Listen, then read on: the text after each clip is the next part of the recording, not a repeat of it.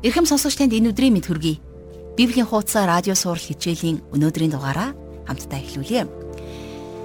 Тэгэхээр өнөөдөр бид 1-р хаад намын 19-р бүлгийн 1-ээс 20-р бүлгийн 43 дугаар ишлэлийг дуустал уншиж судлах гэж байна. Өмнөх дугаарт бид Бурхны үг хэрхэн биелснийг харсан. Иш үзүүлэгч Илиягаар дамжуулан Бурхан Израилийн ард түмэн дээр ажиллаа хийж байна. Харин өнөөдрийн үзэх хичээлээр Илия хэдийгээр гайхамшигтай Бурхны хүн байсан ч гэсэн үнэн л учраас амь насанд нь занл хийлэл ирэхэд хэрхэн айц давтаж урам хугардаг. Тэгээд хэрхэн тэр зүхтсан тухай хамтдаа үзэх болно. Илия бурхны зөвхт байдлын төлөө гим нүглийн эсрэг зогссноороо хүмүүст гадуурхагдсан олон хүний л нэг. Чухам яагаад бурхны агуу хүн ийм зовлонт замыг туулсан байж бидний гимээ хүлээн зөвшөөрч бурхантай хамт алхахыг уриалж байгаа талаар 1-р хаад номын 19-р бүлгээс 20 дугаар бүлгийг дуустал бид уншиж сонсснороо мэдэж авах болно. Ингээд Библиэс судалж эхлэхийнхээ өмнө энэ цагийг бурханд даатгаж товчхон залбирцгаая. Орчлон ертөнцийг оргүй хоосноор бүтээсэн Бурхан Аав минь энэ өдрийн энэ цагийг бидэнд зөвшөөрч өөрийн үндсэнтэй үгээрээ ундаалж байгаад таньда талархаж байна. Та өөрийн ариун сүнсээрээ дамжуулан өнөөдрийн чухал үгийг бидний зүрх сэтгэлд ойлгуулан сийлж өгөөрэй. Тинхүү таны үгийн дагуу өдөр бүр алхахад, таны үгийг гэрчилж амьдрахад та туслаарай. Бид хичээлийн энэ цагийн эхнээс нь дуустал таны мотор даатгаж таны цорын ганц хайртай хүү бидний найдвар болсон эзэн Есүс Христийн нэрээр залбирanгуйж байна. Амен. Хариу отгоо жургалагч ярианд анхаарлаа хандуулъя.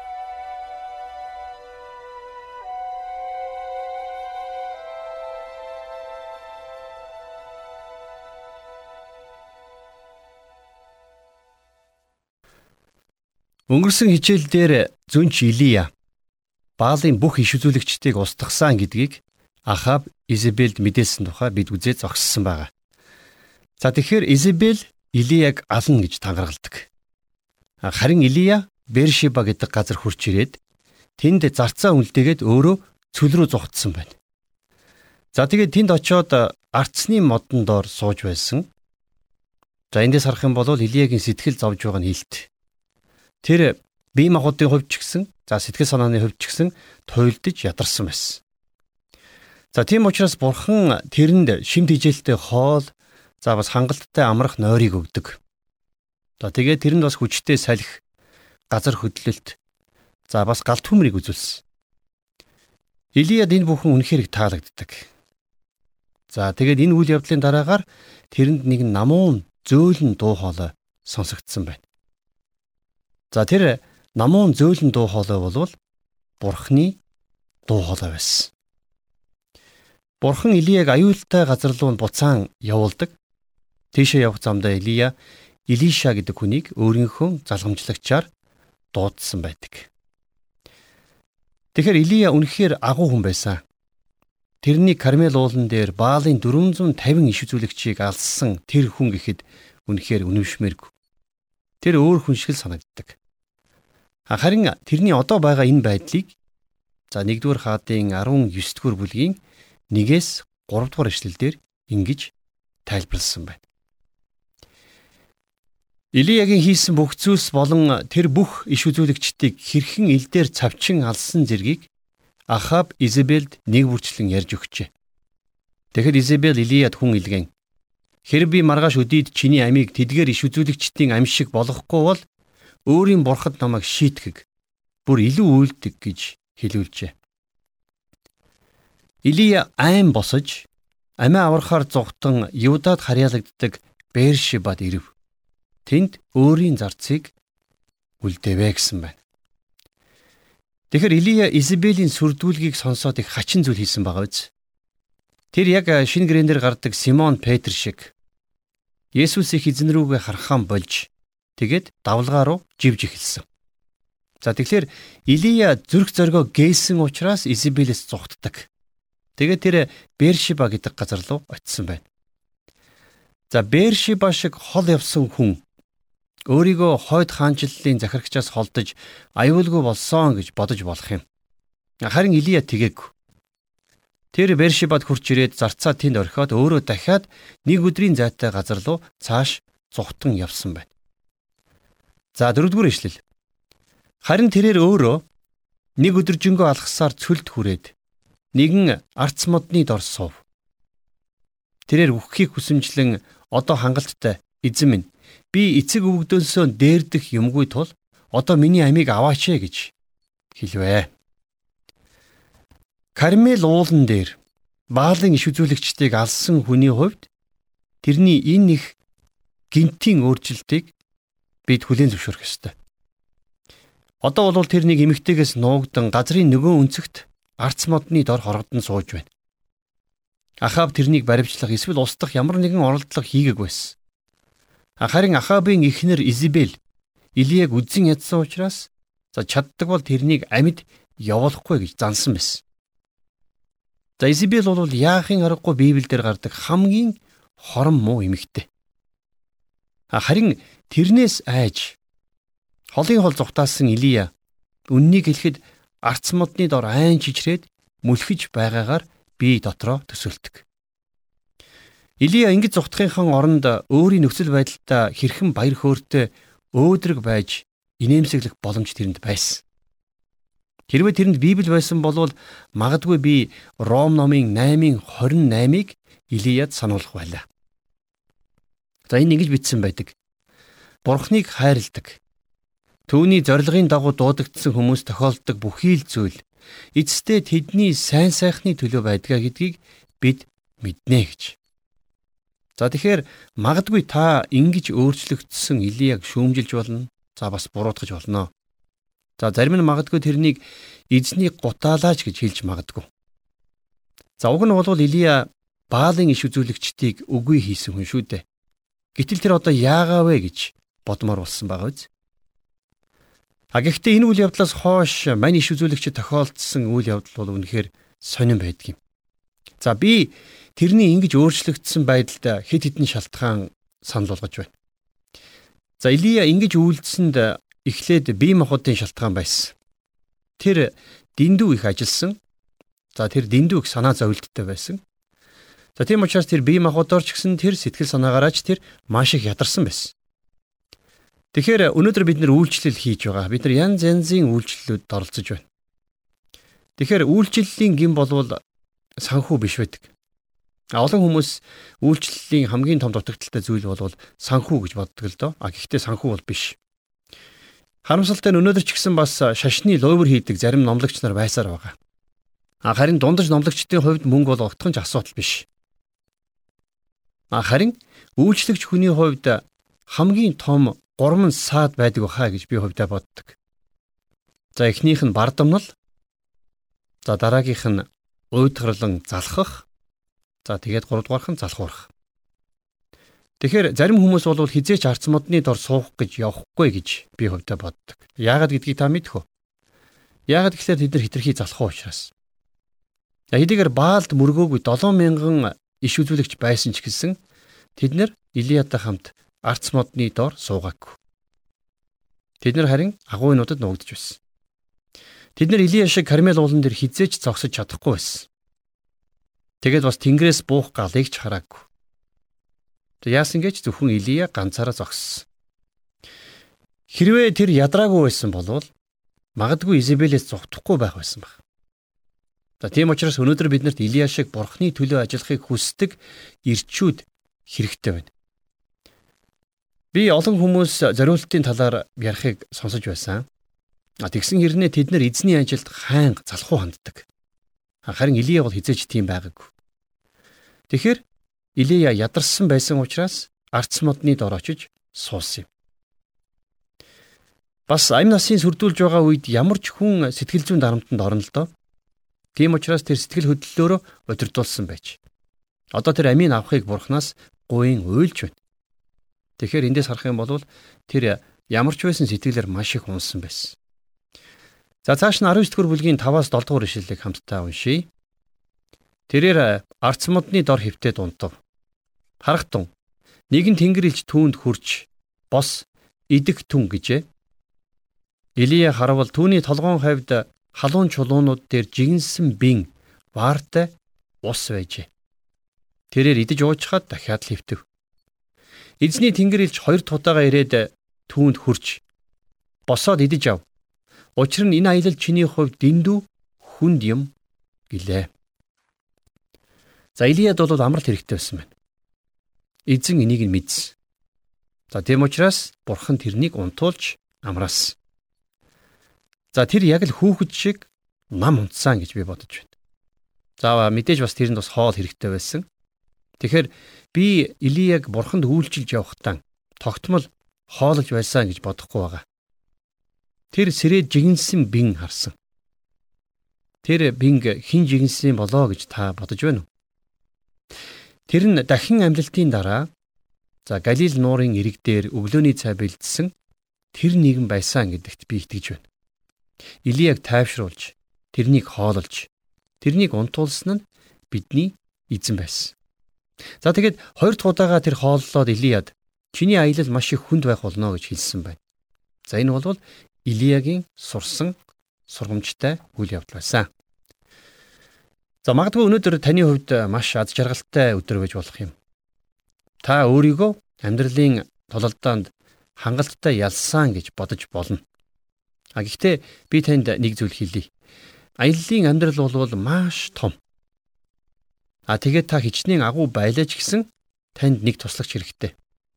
За тэгвэл Илия тэр үед ганцаараа байгаагүй. Тэрний дэргэд бурхан өөрөө байсан. За 8 дугаар ишлэлийг хамтдаа харъя. Тэрээр босоод идэж уулаа. Тэр хоолны хүчээр 40 өдөр 40 шүн Бурхны уул болох Хореб руу явлаа. За ингэж Бурхны өгсөн хоолоор тэнкэрсэн Илия үргэлжлүүлж цаашаага явсан. За тэгээд тэр Хореб уул руу 40 өдрийн турш явсан гэж бичсэн байна. За Хореб уулыг санаж гинүү та? Хореб уулан дээр Бурхан Мөсед 10 хуулийг өгсөн шүү дээ. За 19 дэх бүлгийн 9-оос 10 дугаар ишлэл. Илия тэнд агуйд орж шүнийг өнгөрөв. Эзний үг түүнд ирж эзэн түүнд Илия чи энд юу хийж байгаа юм бэ гэв. Тэрээр би түг түмдийн бурхан эзэнд маш их зүтгэсээр ирсэн. Израилийн хүүгүүд таны гэрээг умартаж, таны тахилын ширээнүүдийг нураан, таны иш үзүүлэгчдийг илдээр цавчин алсан билээ. Одоо ганцхан би л үлдээд байна. Тэд миний амийг авахын тулд намайг хайж байна гэж өчөв.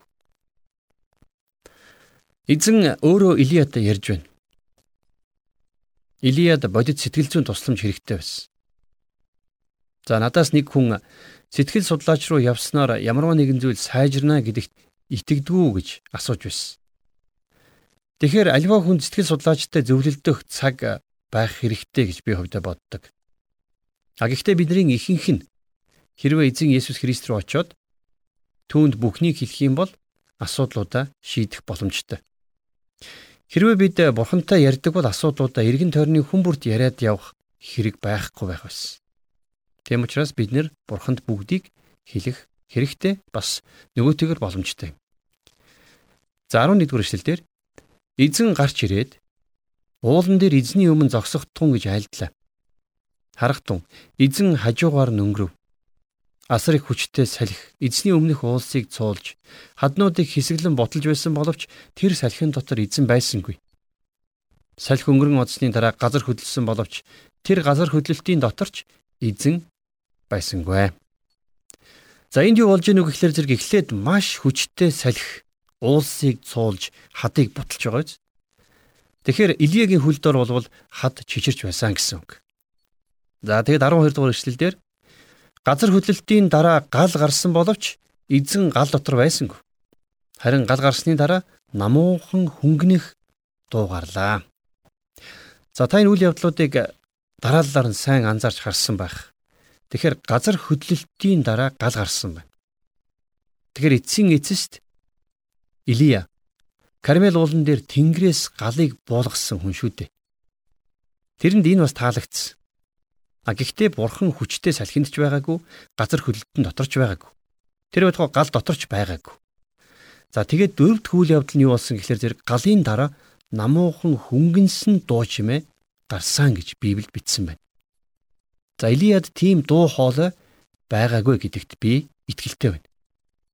За тийм учраас тэр бурхан чимээгүй байдлаар хөдөлдгөө гэдгийг сурах хэрэгтэй байсан. Бурхныг энэ байдлаар хөдлөхийг харах ямар гайхалтай гэж Бурхан Илияд агуу хичээлийг яг энд зааж байна. Кармел уулан дахь тулааныг үнэндээ тэнгэрээс буусан галаар ялаагүй юм. Бурхан өөрийнхөө нууцлаг арга замуудаар өөрийн гайхамшгуудыг үлддэг. Бурхан чимээгүй байдал дотор хөдөлдөг. Тэр жижиг зүйлсийг өөрийн зорилгыг хэрэгжүүлэхэд ашигладаг. Агуу хаалгууд жижиг нууснууд дээр савлдгаа гэсэн үг байдаг. Тэгэхээр Бурхан агуу хаалгуудыг онгойлгохын тулд жижиг зүйлсийг ашигладаг гэсэн үг. За энэ бүхэн бол яахын аргагүй Илиягийн сурах хэрэгтэй тэр зүйлсүүд байсан. За ингээд дараагийн ишлэлээс юу болсныг хамтдаа харцгаая. 19 дугаар бүлгийн 13-аас 14 дугаар ишлэл. Илия тэр дууг сонсомогц нүрээ нүмергөөрөө орон агуун аманд гарч зогсов. Харахтун дуу чимээ түүнд ирээд Илия чи энд юу хийж байгаа юм бэ гэв. Илия би түг түмдийн бурхан эзэнд маш их зүтгэсээр ирсэн. Израилийн хүүгүүд таны гэрээг умардан таны тахлын ширээнүүдийг нурааж таны иш үзүүлэгчдийг илдээр цавчин алсан билээ. Одоо ганцхан биел үлдээд байна. Тэд миний амийг авахын тулд намайг хайж байна хэмээн өчөв. За би бидний олонх нь Илиятай адилхан байдгаа гэд хэлмээр байна. Заримдаа гэр бүл эргэн тойрондоо итгэгч бас итгэгч биш хүмүүс янз янзын хүмүүсээр хүрээлүүлэхдээ өөрсдийгөө Христийн төлөө газар дэлхий дээр ердөө ганцаараа байгаа юм шиг мэдэрдэг. За харин бурхан тэрэнд ямар хариулт өгснийг цааш нь үргэлжлүүлээд 15-аас 17 дугаар ишлэлээс харъя. Эзэн түүнд яв Дамаскийн цөл рүү явах замаараа буц. Чи Хазиялыг Арамын хаанаар томилон тослох болно. Мөн Нимшийн хүү Ихүг Израилийн хаанаар томилон тосолж бас Абиал Михолагийн Шафатын хүү Илишаг өөрийнхөө оронд иш үзүүлэгчээр томилон тослох болно. Хазаэлийн элднээс зугтсан хүн Ехүүгийн гарт орж үхэх болно. Ехүүгийн элднээс зугтсан хүн Илишагийн гарт орж үхэх болно гэж хэлсэн байна. За бурхан Илияд ингэж хэлсэн байна. Хойд зүгийн уус руугаа буц. Надад чамд өх ажил байна гэж хэлсэн байна. За тэр Сирийн хаанаар Хазиял гэгч хүнийг тослох ёстой. За Ехүү гэж хүнийг бол Израилийн хаанаар тослох ёстой. За тэгээд дээрэс нь бурхан Илияд Илиша гэгч хүнийг залгамжлагч нь болгон томилно гэж хэлсэн.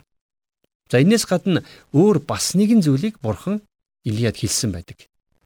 18 дугаар эшлэл дээр Гисэн ч Баалд өвдөг сөгдөөгүй мөн тэдний ам түүнийг үнсээгүй. 7000 хүнийг би Израильд үлдээнэ гэж айлдав. За. Эцэст нь бурхан Илияд хэлэхдээ Баалд мөргөөгүй 7000 хүн үлдсэн гэж хэлсэн байна. Бурханд үлдсэн хүн дандаа байдгаа гэдгийг бид нар мартаж болохгүй. Бурханд Илиягийн өдөр нэг байсан. Өнөөдөр түүнд нэг байгаа. Тэд нар Бурханы төлөө зогсож байсан. Тэд нар Баалд өвдөг сөгдөөгөө учраас Илия шиг нээлттэй байгаа гэсэн үг. Тэд нар хэдийгээр чимээгүй байсан ч гэсэн Израилийн Бурханд үнэн ч хിവэрэ байсан. За Бурхан одоо Илияг герт нь хариулахаар бэлдэж байна. А ингэхдээ тэр Илиягийн оронд Илиша гэгч шин иш үзүүлэгчийг босгох гэж байгаа. 19-аас 21 дугаар эшлэл. Илия тэндээс хөдөлж Шафатын хүү Илишаг олж авлаа. Тэр үед Илиша буулгахтай 12 хос үхрээр талбайгаан хагалж өөрөө 12 дахь хос үхрийн араас даган явж байв. Илия Илишагийн дэрэгдүр гарахдаа өөрийн нүмергөө түүнд нүмергөв. Илиша өхрүүдэн орхиод Илиягийн хойноос гүйн би аав ээжигээ үнсчгээд таныг даган явахыг зөвшөөрнө үү гэв. Илия түүнд буцаад явдаа. Юуны төлөө би чамайг ингэсэн билээ гэж хариулв. Тэрээр Илиягаас эргэн явж хос өхрийг авч дахил уулган буулгыг нь эвдэн түлж үхрийн махыг чанаад хүмүүст өгсөнд тэд эдцгэв. Түүний дараа тэрээр босож Илияг даган явж түүнд үйлчиллээ. За ингэж Илиша Илиягийн шав болж байна. Илиша Илиягийн үйлчлэлийг авахар сургагдан бэлтгэгдхийг бид харах болно. Тэгэхээр энэ үйл явдал бол Израилийн хаанчлал хуваагдах үеэр болсныг санаарай. 10 овг Израиль нэрийг авдаг. Харин хаан ард түмний дахин дахин давтах гим нүглээс болоод бурхан тэдний дайснуудад тэднэрлүү дайрахыг зөвшөөрдөг. За гисэн хідэж бурхан нэгүүлсэнгөө учраас тэднэрт гимшиж өөрлөө нэргэх боломжийг дахин өгдөг. За тийм учраас энэхүү бүлэг дээр бурхан Израилийг Сирийн хүчрхэг аримаас чөлөөлсөн тухай гарах юм. За ингээд үйл явдал цааш хэрхэн өрнөснийг хамтдаа 1-р хаадын 20-р бүлгийн 1-р ишлэлээс хамтдаа уншицгаая. Арамын хаан Бин Хадад бүх зэрэгээ цуглуулв. Түүнтэй хамт 32 хаан морд мөн тэрэг цэргүүдтэйгээ цуглжээ. Самар хотыг тэрээр бүслэн байлдав. За тэгэхээр бурхан одоо Израиль руу гаднаас дайснууд ирэхийг зөвшөөрсөн.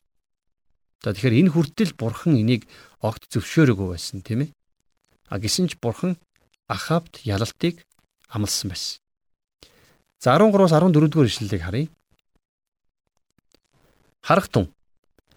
Израилийн хаан Ахавд нэгэн иш үзүүлэгч ирэн эзэн ийн айлдж байна. Чи ийм их цэргийг үзсэн үү? Харах тун. Өнөөдөр би тэднийг чиний гарт оруулж чи намайг эзэн мөн гэдгийг мэдэх болно гэж хэлв. Ахав Хинээр үүнийг хийлэх вэ гэсэнд иш үзүүлэгч эзэн ийн айлдж байна. Можуудын захирагчдад үйлчлдэг залуусаар үүнийг хийлгэнэ гэсэн гэж хариулв.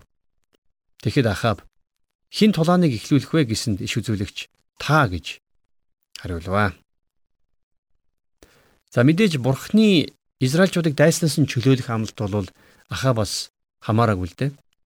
Харин өөрийн хүмүүсийн төлөөх бурхны хайраас болсон гэдгийг бид мартаж болохгүй. Бурхан энэ хүнд өөрчлөгдөх нэгэн боломжийг өгч байна. Тэгэхээр өнөөдөр бид нэр алдагдсан боломжуудын талаар ихэд ярилцаж дурсдаг. Хүн бүрийн хаалгыг боломж нэг л удаа тогшдгоо гэж бид нар ярьдаг. Боломж хаалган дээр зогсоод тогшсоор байдгаа гэж би хувьдаа боддог. Тэгэхээр одоо Ахабд энэ боломжийг бурхан өгч байна. Бурхан тэрэнд сирчүүдийг ялах агуу ялалтыг өгч байна. За 20 дугаар бүлгийн 20-с 21 дугаар эшлэлдэр Тэд өөр өөрийн нэг дайсныг алжээ. Арамчууд зугтаж Израильчууд тэдний хойноос хөөлөө.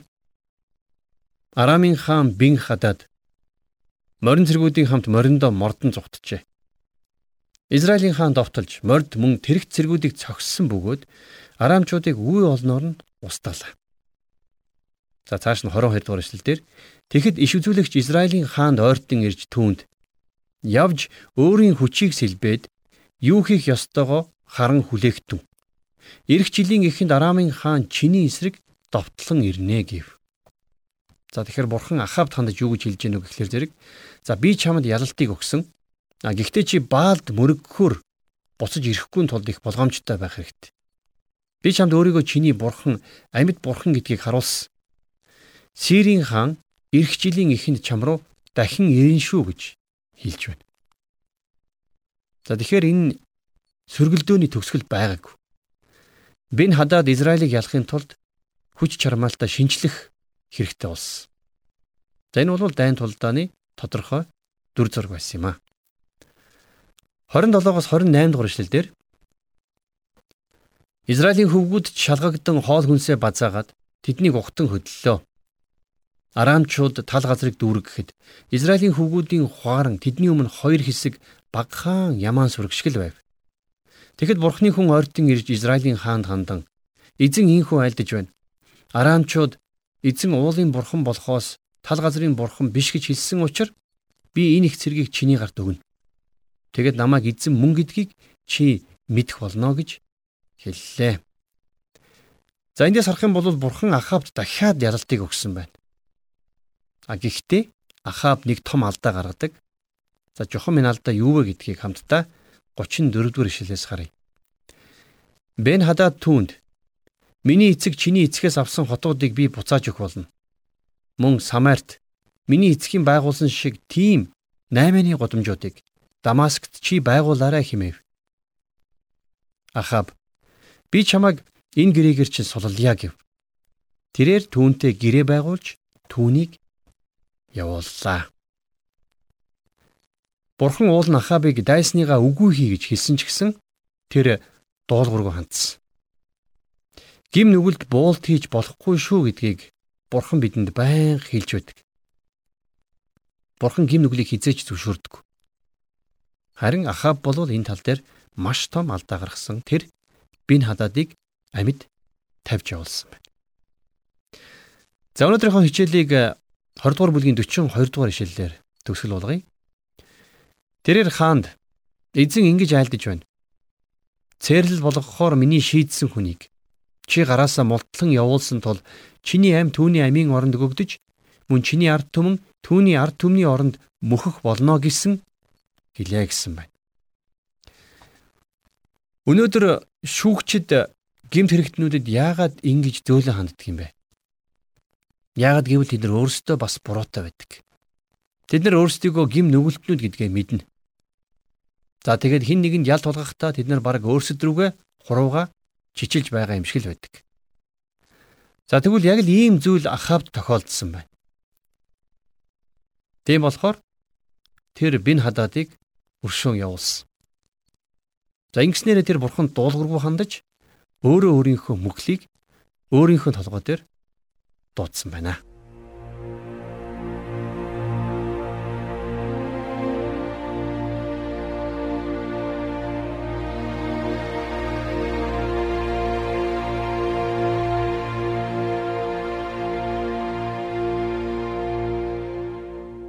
Тэгэхээр нэгдүгээр хаад ном бол бурханд хайртай хаад болон иш үзүүлэгчд хэрхэн түүнийг алдаршуулж гэрчилж амьдрж байсан. Амун хиймэл бурхан шүтэж гимнүгэл үйлдэж байсан хаадын тухай түүхэн ном юм. Өнөөдөр ч гэсэн ийм л түүх их дэлхийн хүн төрлөختний дунд үргэлжилж байгааг та бид мэднэ. Жинхэнэ бурханд бас харин хуурамч шүтээнд шүтгшид олширч худал хуурмаг буруу муу зүйлс гаарч байна. Тиймээс бурханд итгэлэн өгсөн итгэгчид та бид эзэн бурханд итгэмжтэй дуулууртай байхыг дэмжиж өөрийн үг үйлсээрээ итгэлээ өгөөгүй бусдаа гэрчлэл болж амьдрах нь юу юунаас илүү чухал. Эзэн бурхан бидэнд өөрт нь итгэж хамтдаа алхах тэр боломжийг үргэлж сойрходог. Гэтэл бид түүнээс эргэж гим нүгэлдээ унсаар л байдаг.